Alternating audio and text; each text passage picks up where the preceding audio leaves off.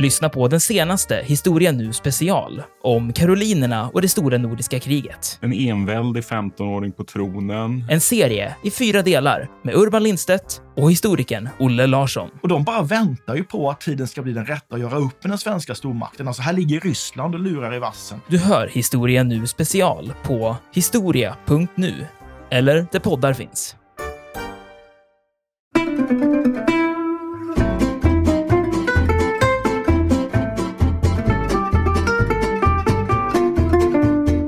Ett flertal högre med då Vrede i spetsen, de hade haft kontakt med Bernadotte i samband med striderna i svenska Pommern där 1807, då Sverige ingick i den så kallade tredje koalitionen mot Napoleon. Det är en ganska glömd, bortglömd del av Sveriges militärhistoria, för den är inte speciellt vacker att se på. Alltså, Sverige gjorde inte några strålande, någon strålande krigsinsats där i svenska Pommern 1807. Man fick spöa fransmännen. Men Bernadotte var ju med där då på motståndarsidan och han ansågs ha uppfört sig väldigt väldigt anständigt och som han sa välvilligt mot de svenskar då som blir tillfångatagna av Napoleons armé.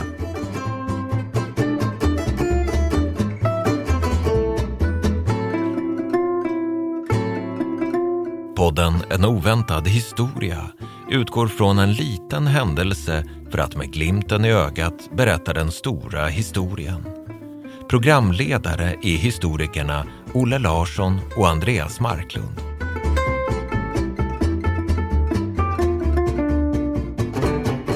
Hallå där Olle! Hallå Andreas! Du, jag hoppas verkligen att du har vaknat på din royalistiska sida idag. Ja vi... du kanske alltid vaknar på den, vad vet jag. För idag ska vi återvända till ett ämne som vi har nosat på i tidigare avsnitt, nämligen valet av den här franske generalen och gamle jakobinen Jean-Baptiste Bernadotte till svensk tronföljare i nådens år 1810. Hur låter det? Det låter alldeles utmärkt tycker jag. Perfekt. För här kommer ett helt, vad ska man säga, smörgåsbord av bernadotteska läckerheter. Som tidigare nämnts så har jag då en gång i tiden inför publik kastat ur mig påståendet att just 1810 på grund av det här, äh, det vi ska prata om idag, är det viktigaste årtalet i Sveriges historia. I alla fall i vår moderna historia. Eftersom det här med Bernadotte, att han kom på tronen. Det gjorde att vi inte anslöt oss till Napoleons sida under slutfasen av Napoleonkrigen. Och heller inte till den franska armén under den katastrofala franska marschen mot Moskva 1812. För hade vi gjort det så hade vi hamnat på förlorarnas sida vid Wienkongressen där man gjorde upp räkningen efter Napoleonkrigen, där 1814-1815. Och då är det inte säkert att Sverige skulle ha överlevt som självständig stat, tror jag. Alltså vi hade kanske delats upp mellan Ryssland och Preussen, alla Polen under 1700-talet. Och tänk hur vår moderna historia hade kunnat utveckla sig i sådana fall. Det är en spännande tanke och en, tycker jag, ganska otäck sådan, en dystopisk sådan. Så nu tänkte jag att vi skulle zooma in på själva valet då av Bernadotte som svensk tronföljare 1810. Hur gick det till när en medelålders revolutionär med republikanska böjelser blev svensk kung? Alltså hur tänkte man egentligen? Och hur tänkte Bernadotte själv? Även om jag erkänner, jag kommer framförallt att fokusera på den första frågan är hur tänkte man i Sverige egentligen? För det tycker jag faktiskt är mest intressant. Men alltså det finns ju uppgifter eh, om att Bernadotte ska haft en tatuering med texten “Död åt kungen” eller något det hållet, alltså på bröstet eller på ryggen eller på armen eller vart det nu ska ha varit. Men som jag har förstått saken är det egentligen en skröna som möjligen stammar från någon slags fransk pjäs, något skådespel, kanske en fars av något slag från slutet av 1830-talet. Men däremot så finns det belägg för att Jean-Baptiste Bernadotte år 17 1797 ska ha skrivit så här i ett brev, och nu citerar jag. Republikan både av princip och övertygelse vill jag till min dödsstund bekämpa alla royalister. Slutcitat. Och det här är alltså en person då som Sveriges riksdag 13 år senare väljer till landets nya tronföljare. Och det tycker jag är en smula äh, häpnadsväckande. Kanske kan man säga oväntat. Eller vad säger du, Olle? Absolut. Man ska alltså- vak- vakta sin tunga. Ja, verkligen. Men alltså, det, det är ju en sak att Bernadotte själv ändrade inställning. Det kan man på något sätt, tycker jag, kontextualisera. Han blev äldre och så vidare. och så vidare. Men alltså, vad 17 var det som fick Sveriges dåvarande makthavare, alltså Sveriges riksdag och statsråd, att se ett kungaämne i den här personen? Alltså i ett politiskt radikalt brushuvud som då hade svurit att till sin dödsstund bekämpa alla royalister. Så en, en ofrånkomlig fråga är till dig, Olle. Du hade ju den här affischen då med alla Sveriges kungar på väggen hemma i barnkammaren. I alla fall alla då från Gustav Vasa fram till Oscar den andre. Och där ingår ju då den här äh, berömda antiroyalisten då, men under namnet Karl den XIV Johan. Vad har du för individ till den här tjommen som vi då faktiskt valde till tronföljare för sådär en 213 år sedan? Jag kan ju börja med att erkänna att jag fortfarande har det där porträttet, det här, det där vykortet uppsatt. Dock inte över sängen, men jag har det faktiskt uppsatt i hallen i en magnifik ram. Jaha. Nej, men jag har en god relation till Jean Baptiste. Han var ingen som jag intresserade mig för när jag var liten, när jag kanske tittade som mest på det här porträttet. För att där var ju mina två idolkungar, det var ju Gustav Vasa och Karl XII. Men han är en mycket fascinerande gestalt. Han är en verkligt betydelsefull gestalt. Jag tänker till exempel på hans 1812 års politik som har räddat oss undan ganska mycket elände. Alltså 1812 års politi- politik som inleder Sveriges unikt långa fredsperiod. Eh, Jag tänker på hans sängkammarregemente, att han inte var så förtjust i att gå upp utan gärna styrde från, från sängkammaren. Och så kommer jag att tänka på en rolig historia jag hörde när jag faktiskt var ganska liten om eh, att han helst av allt, även som svensk kung, ville fortsätta prata franska. Och eh, vid ett tillfälle så hade majestäten fått förkylning och en mycket nervös kammarpage kommer in och ska försöka säga då att jag hoppas att er majestät känner sig bättre idag. Men franskan haltade lite så han lyckades eh, kvacka fram en mening som lät ungefär som att jag hoppas er majestät kan uppföra sig bättre idag. Varpå Karl Johan bör- då lär ha gapskratt och sagt eh, min kära vän, jag ska försöka. Nej, men jag tycker Äh, han äh. är, det är en spännande monark. Ja, ja, verkligen. Och precis som Gustav III som vi har också äh, Eh, tar upp ibland här i podden, så, så var ju faktiskt Bernadotte en sån monark som verkligen gjorde ett avtryck i historien. Alltså han gjorde en skillnad. På gott och ont kanske man kan säga, men jag tror på det stora hela att det var ett väldigt lyckat val av, av tronföljare. Och det kommer vi återkomma till i slutet av det här avsnittet.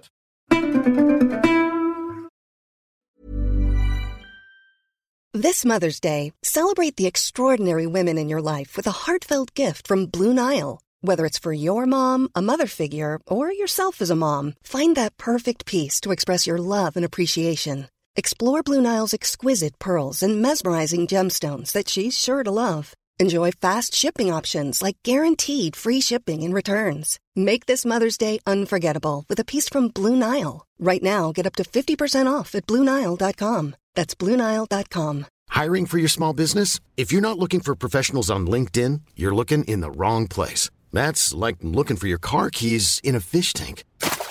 LinkedIn helps you hire professionals you can't find anywhere else, even those who aren't actively searching for a new job but might be open to the perfect role. In a given month, over 70% of LinkedIn users don't even visit other leading job sites. So start looking in the right place. With LinkedIn, you can hire professionals like a professional. Post your free job on linkedin.com/people slash people today.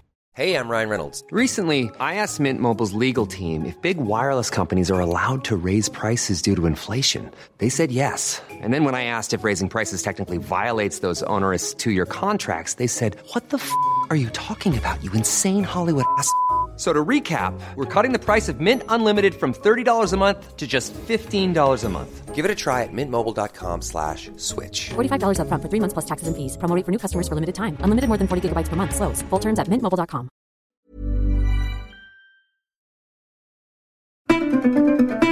Nu förflyttar vi oss 213 år tillbaka i tiden till Örebro. Det pulserande hjärtat i Närke och en av Sveriges många historiska pärlor. För under seklernas lopp så har det ju hänt ganska mycket spännande i Örebro. Det kan man ju inte förneka. Här har det varit många viktiga stormannamöten och kyrkomöten. Och även riksdagar har ju hållits flera gånger i Örebro. Bland annat eftersom då staden ligger väldigt bra till rent logistiskt. Alltså det är en stad som har vuxit fram vid en bro och en, en korsväg, en skiljeväg och en stor sjö med förbindelse till både Mälaren och till Stockholm, men som ändå då ligger på, på behörigt avstånd från, från, från huvudstaden med alla dess eh, eh, lockelser och politiska intriger. Och sommaren 1810 har då riksens ständer samlats i Örebro för att hålla tronföljarriksdag. Här bör vi kanske då betona att Örebro anno 1810, det är en riktig landsortsstad med ungefär 3000 invånare. Gyttrig, närmast kåkbebyggelse, träbebyggelse i alla fall. Och, och glada grisar då som bökar runt på de leriga gatorna. Men förutom grisar och en imponerande mängd lönnkrogar och brännvinskrogar så kan man under just precis den här sommaren finna i stort sett alla landets politiska högdjur i Örebro. Här är i alla fall kungen och hans statsråd, alltså regeringen, och hela riksdagen, alltså adel, präster, borgare och bönder. Och kungen själv, det är ju den svage och sjuklige Karl den trettonde, alltså Gustav den tredjes lillebror, också känd som hertig Karl. Han är inhyst på Örebro slott tillsammans med då sin paranta och i mina ögon långt mer intressanta drottning, den här Hedvig Elisabeth Charlotta av Holstein-Gottorp. Det blir man andfådd nästan. Eh, hon är kort och gott känd som drottning Charlotta i rikets annaler. Eh, och de fyra riksdagsstånden de har då istället fördelats mellan olika byggnader av olika kvalitet och dignitet inne i själva staden, alltså inne i det här gyttret av kåkar. Eh, adeln håller sina sessioner i det gamla kronobränneriet till exempel. Det tycker jag är ganska färgstarkt och stämningsfullt. Medan bönderna har, har en gammal skola då som sin mötesplats. Men det här är alltså en så kallad urtima riksdag, en extraordinär riksdagssammankomst med en enda fråga på dagordningen. Valet av tronföljare efter den barnlöse Karl XIII. Som ju egentligen inte var något annat än en marionett och en slags eh, övergångsfigur. Alltså mellan den gamla i dåtidens ögon då förhatliga gustavianska epoken och det nya Sverige som man ville skulle växa fram efter statskuppen 1809. Och vid riksdagens öppnande den 30 juli 1810 så tillsätts ett hemligt utskott bestående av 12 personer som får i uppdrag att ta fram ett namn utifrån en lista på fyra kandidater som därpå då ska godkännas av statsråd och riksdag. Och efter den första omröstningen den 8 augusti så presenterar utskottet ett förslag där man då med 11 röster mot en förordar en dansk hertig vid namn Fredrik Christian av Augustenborg, eller Augustenborg, eh, som Sveriges nya tronföljare. Eh, och det här förslaget behandlas i statsrådet den 10 augusti, men den så kallade utrikesstatsministern Lars von Eng Engeström, han ber om längre betänketid då, med hänvisning till vad han kallar för nyss inträffade omständigheter. Och vid nästa omröstning i tronföljarutskottet den 16 augusti så får den här danska hertigen bara två av rösterna. De övriga tio går till fransmannen Jean-Baptiste Bernadotte som då är känd under titeln Prinsen av Pontecorvo. Och det här godkänns av statsrådet med von Engelström i spetsen och efter ytterligare några dagar den 21 augusti 1810 så väljs då Bernadotte till svensk tronföljare av en enhällig svensk riksdag. Och efter det här blir det då fest. Och du har varit inne på det tidigare, Olle. Det är då som den här dåvarande ärkebiskopen Jakob Axelsson Lindblom, han höjer sin bägare och utspringer ett överentusiastiskt eh, “Den nya frälsarens skål” Och direkt efteråt då så lägger han, tillägger han då “Den gamle frälsaren icke förglömmandes” efter att de då har insett att han möjligen har gjort sig skyldig till någon slags avgudadyrkan eller något åt det hållet. Men det blir i alla fall ett hejdundrande kalas som jag har förstått saken. Eh, den här eh, sekreteraren i, i konstitutionsutskottet, riksdagens konstitutionsutskott. Han skriver i en rapport i alla fall att ärkebiskopen gav igår middag åt hela sitt stånd, inom parentes åt prästerna alltså då, varpå följde ett förtvivlat fylleri. Slut på detta citat. Det var ett rejält kalas. Ja, verkligen. Verkligen. Eh, trevlig stämning, klackarna i taket och allt sånt där. Men det här väcker ju många frågor, inte sant Olle? Till att börja med undrar man ju då varför kung och riksdag hade samlats i Örebro och inte i Stockholm för att lösa tronföljarfrågan? Alltså varför, varför förklarar inte det, Olle? Skulle du kunna ge en, en, en ganska snabb lägesbild av stämningen i Stockholm och Sverige i största allmänhet under det här ganska ödesmättade året? Ja, jag tänker mig att det är ganska lämpligt att gå tillbaka till föregående år, då, alltså 1809, det här riktiga kan man säga, katastrofåret i svensk historia som vi har poddat om eh, tidigare. Alltså 1809, det är då Sverige förlorar sin östra rikshalva, alltså Finland till Ryssland efter ett eh, misslyckat krig.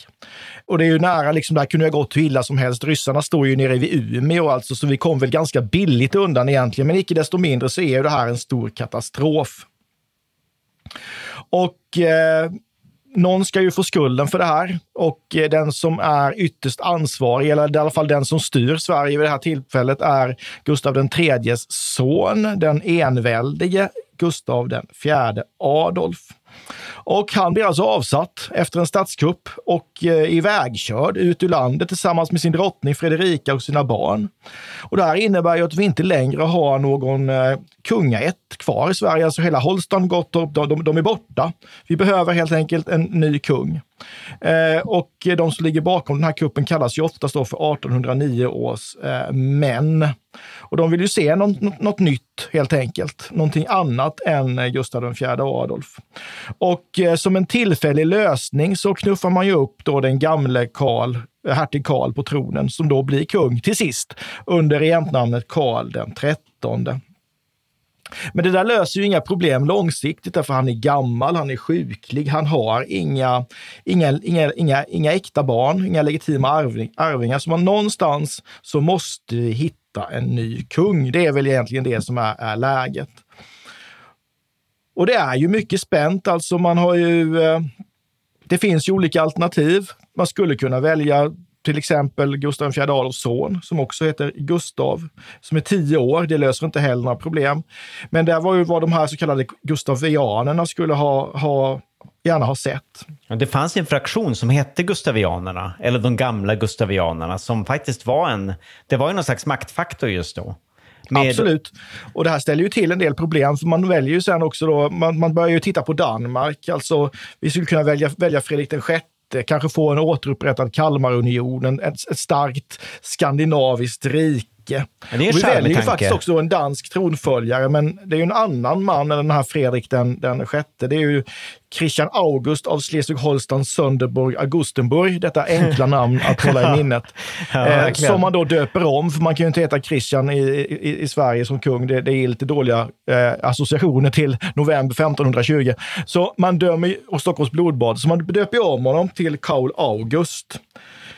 Och han är ju populär i Sverige, han är militär bakgrund, det verkar, han verkar vara en ganska så glad gamäng, trevlig kille, eh, folklig, jordnära, charmerande, tyckte mycket om god mat och god dryck.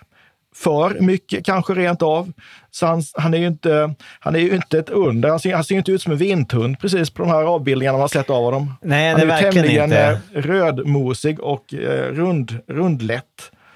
Och det här gör ju faktiskt att han dör. Eh, han drabbas ju av ett slaganfall nere i Skåne under en militärövning. Det är på Kvidingehed, va? Just precis. När han ska Och det finns fantastisk teckning när man ser hur han liksom kastas bakåt liksom Ja. av, eh, och ramlar av sin häst. Ser väldigt dramatiskt ut, men han dog ju. Knall och fall. Han dör knall och fall. Och det här är- det är ju därför man inte är, nu kommer vi in på det, det är därför man inte är i Stockholm vid det här tillfället. Därför att i samband med att eh, den här Christian August, eller Karl August, ska begravas då, han blev ju bara 41 år, så började det gå rykten om att det här inte hade gått rätt till och att det inte var en olycka, det var inte sjukdom, utan det var faktiskt ett giftmord. Han har blivit mördad och bakom detta ligger då Gustavianerna med den eh, gamle, gamle riksmarskalken Axel von Fersen i spetsen. Och det här gör ju att det blir politiskt laddat, politiskt oroligt i, i Stockholm. Och Axel von Fersen blir ju faktiskt mördad också i samband med den här begravningen. Så det är ju helt enkelt därför. Det är för farligt att vara i Stockholm. Därför träffas man istället i Örebro. Ungefär precis. så skulle jag säga. Ja, precis. Ja, men alltså det, där, det är ju rena rama pöbelväldet där som, som regerar i Stockholm på den här tiden. Det där med alltså, Axel von, Hers, von Fersen, det är ju en, det är en förskräcklig historia. Alltså, han slits ju ut ur sin vagn under den här processionen, begravningsprocessionen. Och liksom jag tror han stampas ju ihjäl, trampas ihjäl av en uppretad folkmassa. Inte speciellt långt ifrån det kungliga slottet i Gamla stan. Jag tror att det var någon finsk eh, sjöman som hoppade in bröstkorgen på honom. Eller Ja. som var mycket bestialiskt. Det, precis, det slutade med det va? Det var Ja. liksom nådastöten, exakt. Eh, så det, helt klart, det var ju så det var. Alltså, makthavarna fruktade helt enkelt för att det skulle bli ännu mer kravaller, ännu fler överfall, ja kanske till och med revolution. I alla fall försöka starta en revolution. Om rikets ständer skulle då samlas i Stockholm så nära in på det här, det här färsenska mordet som det kallas för.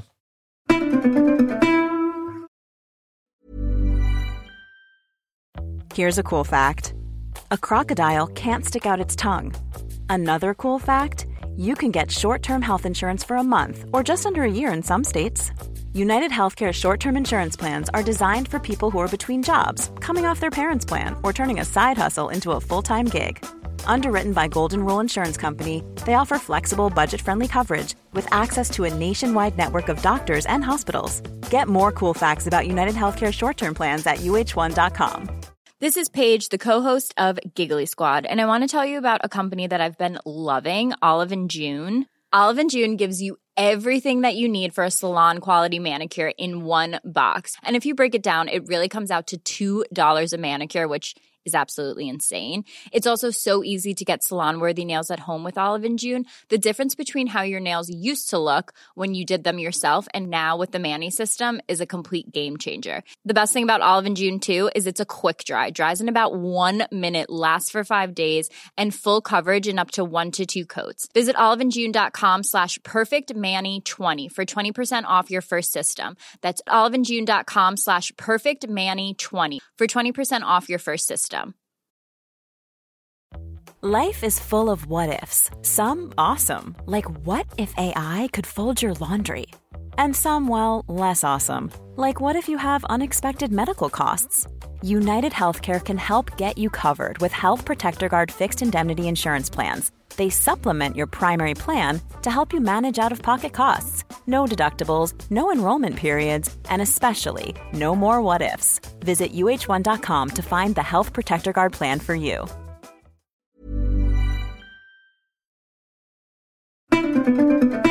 Vi har koll på det politiska spelet och eh, vad ska man säga då, det sprängfarliga läge som Sverige då befann sig i under dessa heta, oroliga sommarmånader då Jean-Baptiste Bernadotte valdes till kronprins.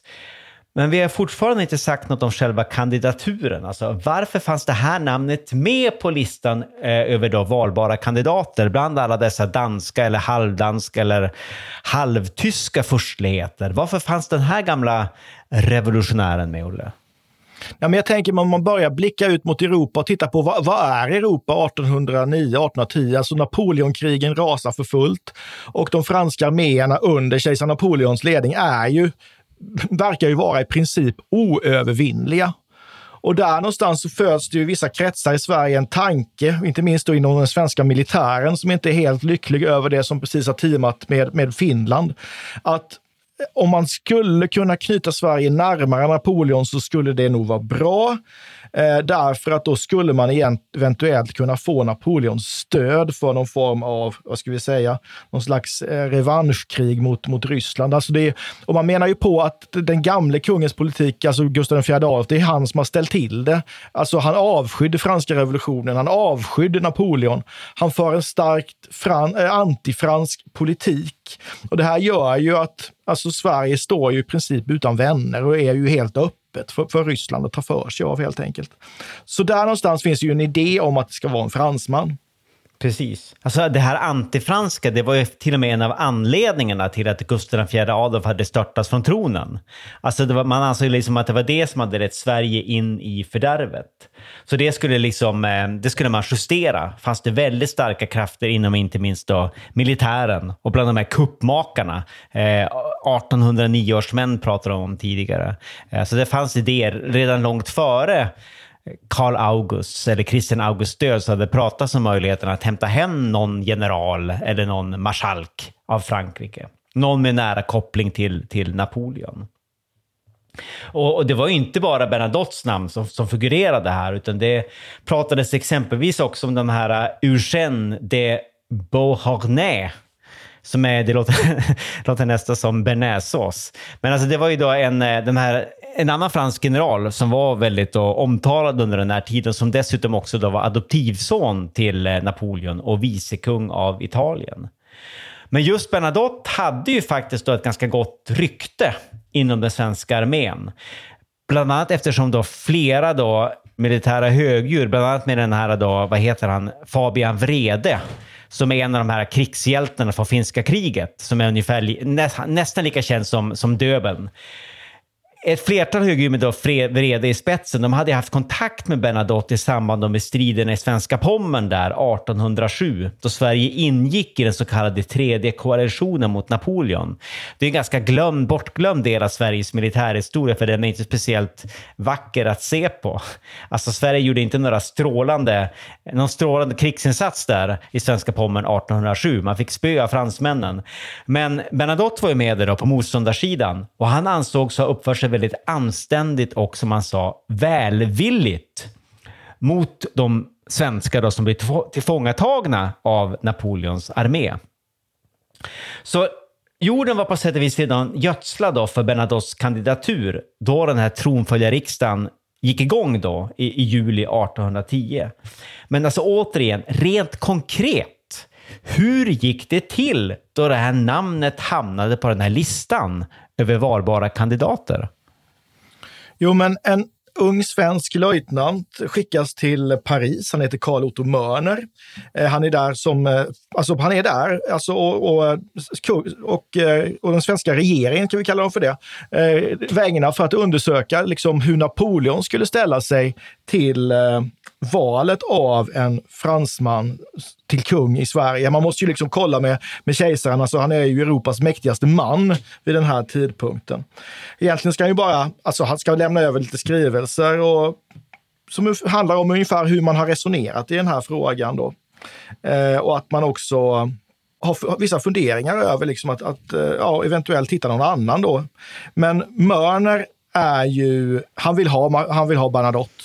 Ja, det han är liksom- hundraprocentigt liksom, inställd på det. Det är hans grej. Han ska ja. ha Bernadotte. Han gillar, han gillar honom av rent personliga skäl förmodligen eftersom Mörner har en gammal, alltså en gammal radikal politisk bakgrund som han skaffade sig som student i Uppsala.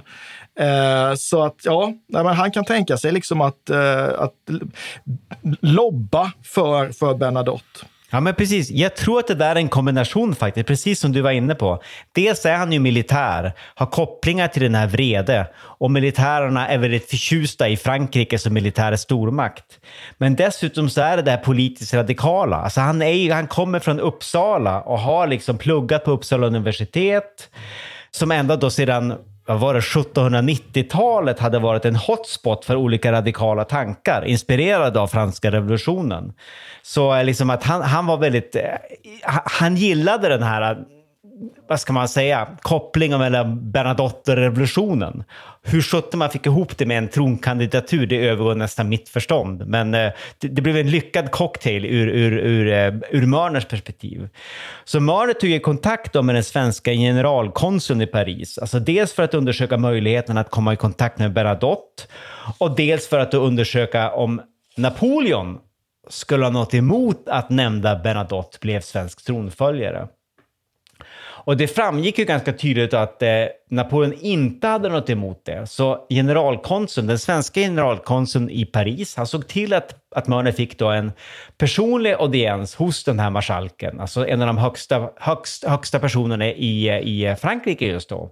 Med hänvisning då till att Mörner faktiskt var, han var någon slags diplomatisk sändebud, han var kurir. Och det är vid det här mötet då som Mörner helt enkelt då, som jag har förstått saken, presenterar sin idé för Bernadotte själv. Alltså att Bernadotte ska bli tronföljare och hjälpa Sverige ur Sveriges kritiska tillstånd, ur krisen, ur nöden. Och som jag har förstått saken började de redan vid detta första möte att bli ganska tekniska. Alltså snacka teknikaliteter alla det här med att, att Bernadotte skulle vara tvungen att byta religion, alltså från katolicism till eh, protestantism. Och det var absolut inte problem, något problem tyckte Bernadotte. Alltså han, som jag förstått saken, blev han närmast eh, förtjust vid tanken på att han skulle tvingas byta religion. För då blir det mer konkret det här snacket. Men sen så finns det naturligtvis många historiker. Det här är ju det här är ju bisarrt. Det åker ner en, en kurir som väldigt så här självsvåldigt börjar liksom agera kungamakare. Hur var det här möjligt?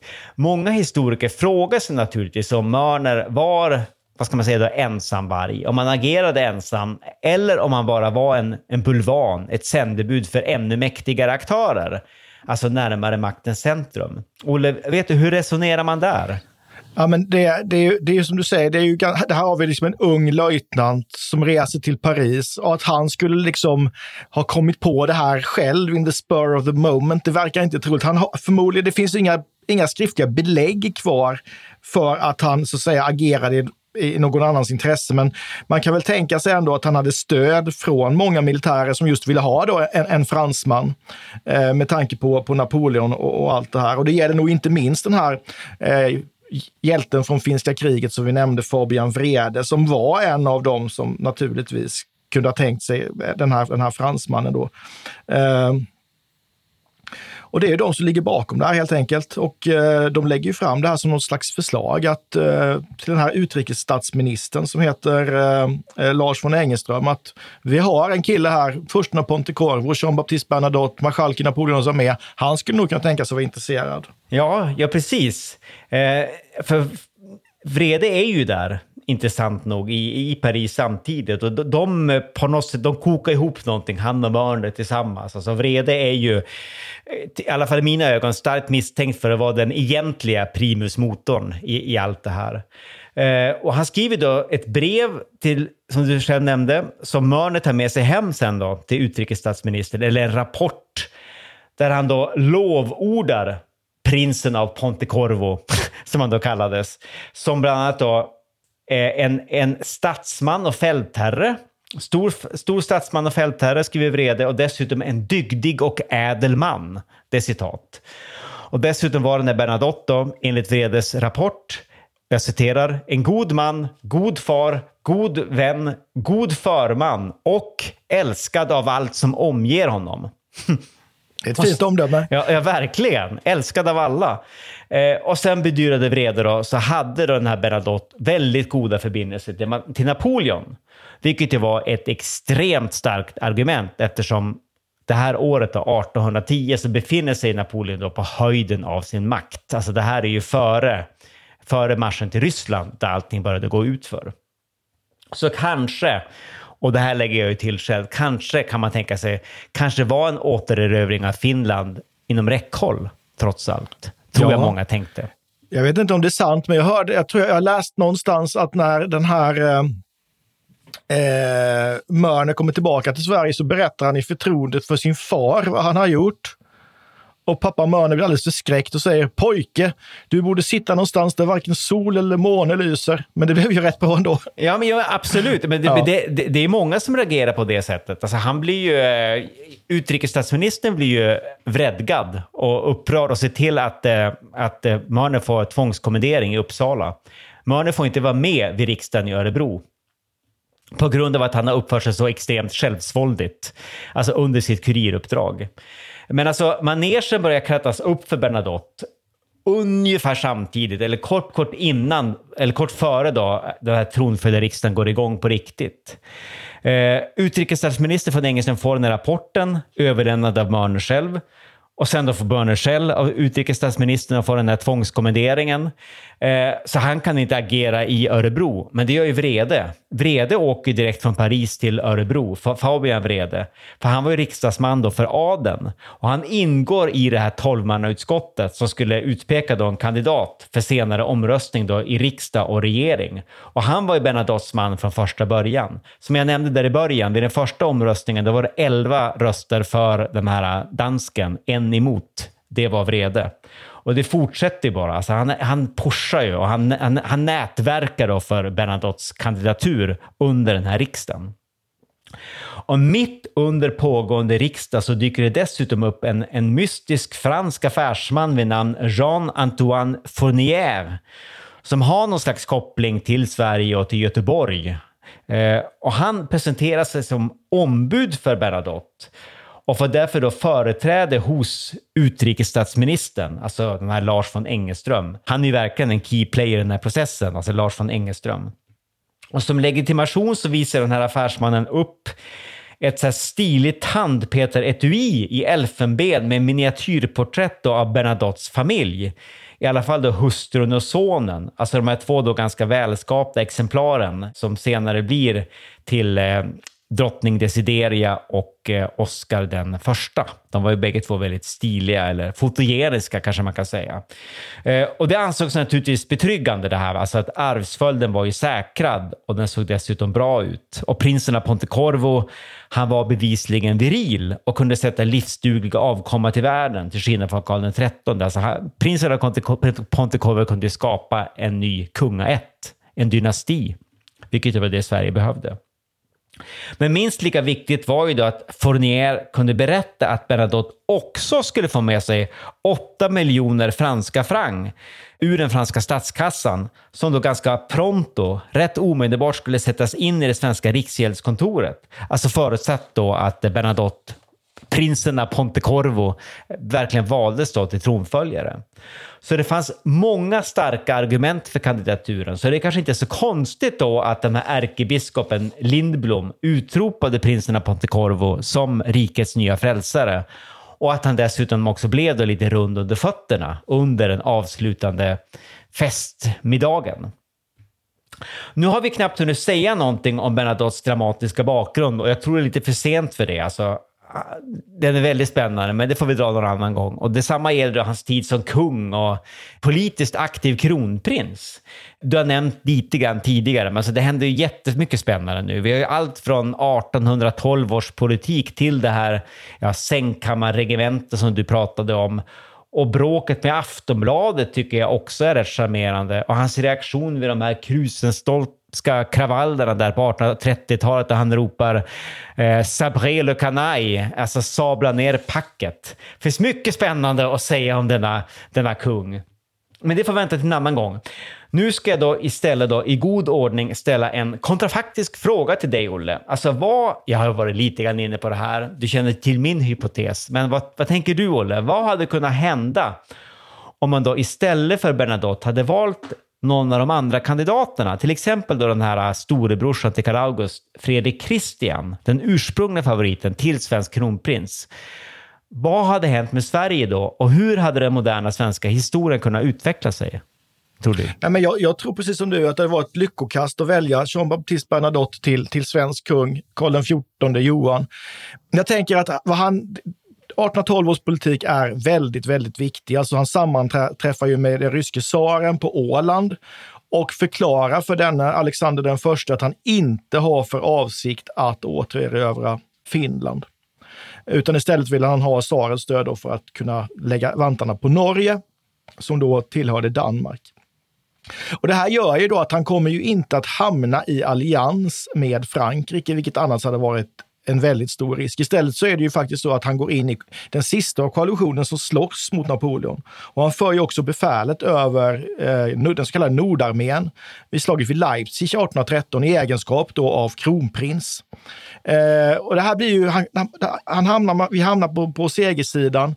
Vi slipper det här som annars kunde varit förödande naturligtvis. Vi hade varit allierade med Napoleon vi hade varit en av floramakterna som hade behandlats hårt vid eh, samband med Wienkongressen. Kunde mycket väl ha blivit delade, som du nämnde, alla Polen. Alltså med tanke på vad det hade fått för konsekvenser eh, inrikespolitiskt och utrikespolitiskt i förlängningen, det vågar man ju knappt tänka på. Så att det var nog, eh, det var nog tur att det blev som det blev. Jag tror det. Men en, en ny eh, Kalmarunion då? Med Fredrik den sjätte som någon slags eh, ny unionskung. Hade det kunnat vara en variant? Ja, det beror ju på hur den utrikespolitiken hade sett ut. Hur han hade förhållit sig. Och då skulle vi, vi skulle ändå ha varit på förlorarsidan, förmodligen. Det hade vi blivit, ja. Absolut. Ja. Nej, jag tror att det var tur att det blev Karl-Johan. Jag tror att du har rätt. Ja, men eh, spännande. Tiden är ju led som vanligt och vi, eh, vi måste avsluta.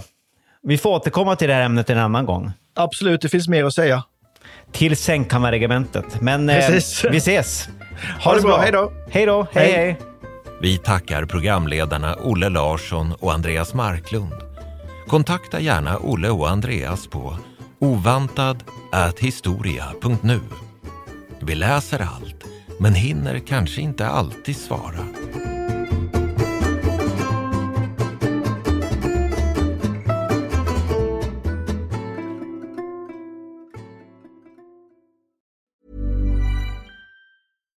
Deserves the best, and there's no better place to shop for Mother's Day than Whole Foods Market. They're your destination for unbeatable savings, from premium gifts to show-stopping flowers and irresistible desserts. Start by saving 33% with Prime on all body care and candles. Then get a 15-stem bunch of tulips for just $9.99 each with Prime. Round out Mom's menu with festive rosé, irresistible berry chantilly cake, and more special treats. Come celebrate Mother's Day at Whole Foods Market. Planning for your next trip?